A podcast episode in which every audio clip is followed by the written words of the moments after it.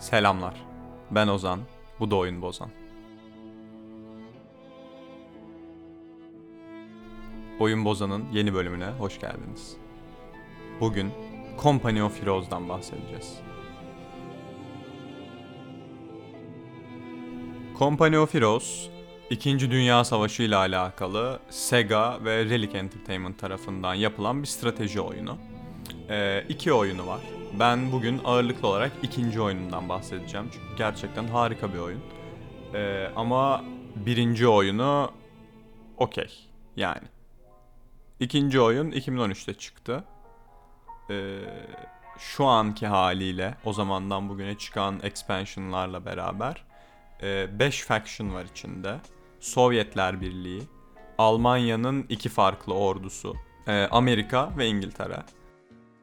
Bunların hepsinin kendi artıları ve eksileri var. Mesela Sovyetler Birliği çok fazla, çok hızlı, zayıf asker basabiliyor. Almanya'nın Oberkommando West diye bir ordusu var mesela. Ee, tankları çok güçlü. Yani az sayıda ama çok dirayetli tankları var. Başka hiçbir faction'ın tankları karşısında duramıyor. Faction'ınızı seçtikten sonra önce haritayı seçiyorsunuz. Birebir de olabiliyor. Ee, 4'e 4'e kadar mümkün. Online'ı şöyle sıkıntılı. Bunu ayrıca bir konu başlığı olarak konuşacağım. O kadar profesyonel oyuncular kalmış ki artık. Yani ben 2014'te 2015'te oynadığımda çok daha keyifli online maçlar geçirebiliyordum. Şu anda giriyorsunuz dakika 10 olmadan falan maçı kaybetmiş oluyorsunuz zaten. Ee, inanılmaz iyi oynayan insanlar hala oynuyor. Böyle bir sıkıntısı var. Ee, ama haritayı seçtikten sonra botlarınızı güzel güzel açıyorsunuz. Hard'da, Expert'te falan nasıl hissediyorsanız kendinizi. Şimdi Company of Heroes'u diğer bütün gerçek zamanlı strateji oyunlarından ayıran bazı mekanikleri var. Bunları konuşmamız lazım ki neden çok iyi bir oyun olduğunu açıklayabileyim. Öncelikle oyunun mesela Age of Empires gibi bir oyuna kıyasla oyunun base building kısmı yok denecek kadar az. Yani sadece belli asker tiplerini, belli tankları basabilmek için inşa ettiğiniz 2-3 tane bina var. Daha fazlası değil. Çünkü kaynak toplama, kaynağı elde etme şu şekilde çalışıyor. Haritada ne kadar fazla yer tutuyorsanız, ne kadar fazla kontrol noktası elinizde bulunduruyorsanız o kadar fazla kaynağınız var demek. Ama aynı zamanda haritada ne kadar fazla askeriniz varsa manpower denen kaynağınız yani insan gücünüz o kadar azalıyor. Dolayısıyla mükemmel bir dengede gidiyor oyun devamlı olarak. Peki neden böyle? Yani gerçek zamanlı bir strateji oyununda base building yoksa, kaynak yönetimi yoksa doğru düzgün böyle ciddi bir seviyede bunları mikro manage'lamıyorsak neyi mikro manage'lıyoruz?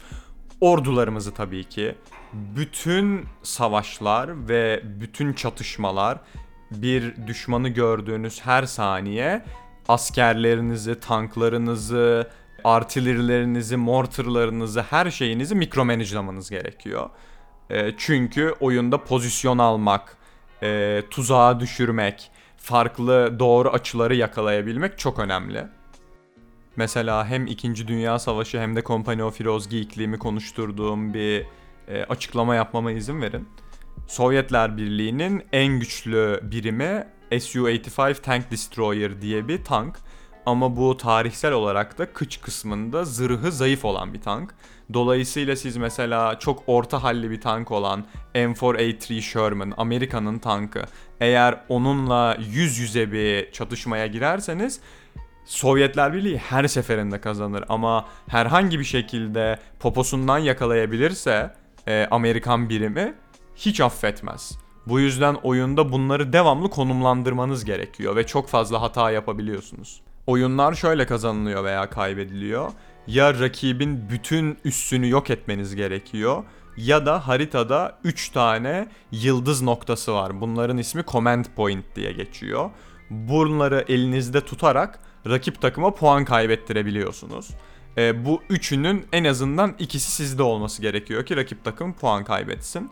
Bu da oyunun temel aslında kazanma, zafer me- mekaniği diyebiliriz. Oyunu yeterince anlattım. Biraz teknik kısmını konuşmak istiyorum.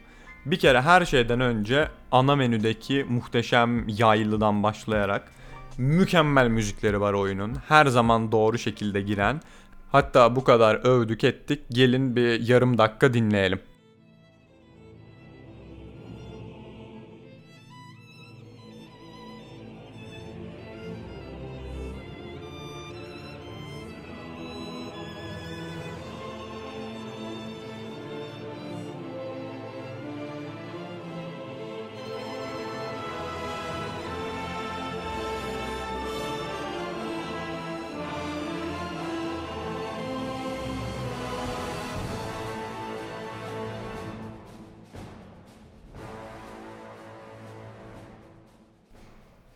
Relic bu oyunu yaparken kafasında çok net bir plan olduğu açık.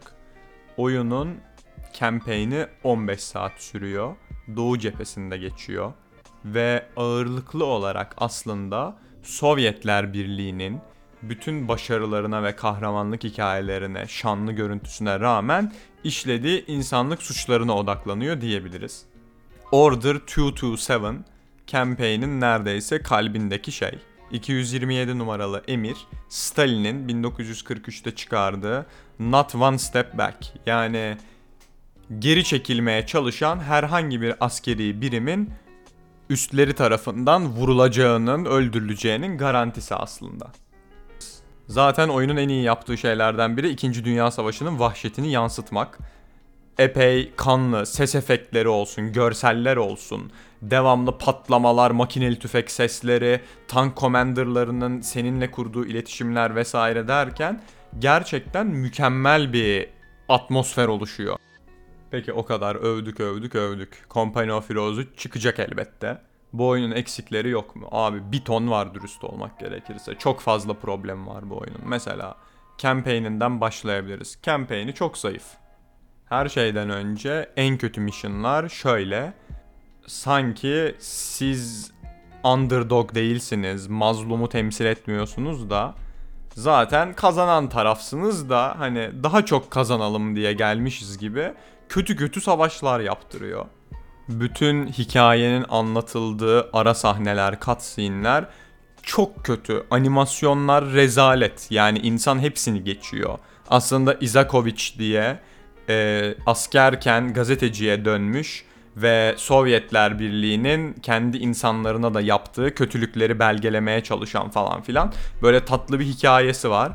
Ama animasyonlar, hikayenin anlatım şekli o kadar kötü, o kadar rezalet ki hiçbir şekilde campaign'i tavsiye etmiyorum. Oyunu nasıl parladığı yer dediğim gibi hem maç formatında oynadığınız skirmishler hem de öyle veya böyle size tarihi gerçekten yaşanmış bazı savaşları atıyorum Stalingrad'ın savunmasını falan filan e, Volga nehrindeki çatışmaları vesaire yaşatan Theater of War diye bir kısmı var. Bu kısmı arkadaşlarınızla co-op olarak da oynayabiliyorsunuz vesaire. Buralarda gerçekten onlarca saatlik çok iyi, çok kaliteli hem 2. Dünya Savaşı fanlarını mutlu edecek hem strateji severleri tatmin edecek çok keyifli içerik var. Company of Heroes'u çıktığında 2013'te almıştım. O zamandan beri birçok kez farklı bilgisayarlara yükleyip oynadım. Şu anda tekrar oynuyorum ve çok keyif alıyorum. 150 küsür saatim var. O yüzden bu bölümü çekmek istedim. Bugün Koh 2'yi konuştuk. Ben şu anda yurt dışında yaşıyorum ve Türkiye'deki arkadaşlarımla ve insanlarla saatleri denkleştirip konuklu bölüm çekmek çok zor oluyor. Dolayısıyla önümüzdeki dönemde biraz daha solo bölümlere ağırlık vereceğim. Zaten çok fazla oyun oynuyorum ve çekebileceğim çok fazla bölüm var. Ben bölüm çekmedikçe siz daha çok dinliyorsunuz. Dolayısıyla beni çekmeye de motive ediyor bu. Destekleriniz için çok teşekkür ederim. Oyun Bozan'ın gelecek bölümünde görüşmek üzere.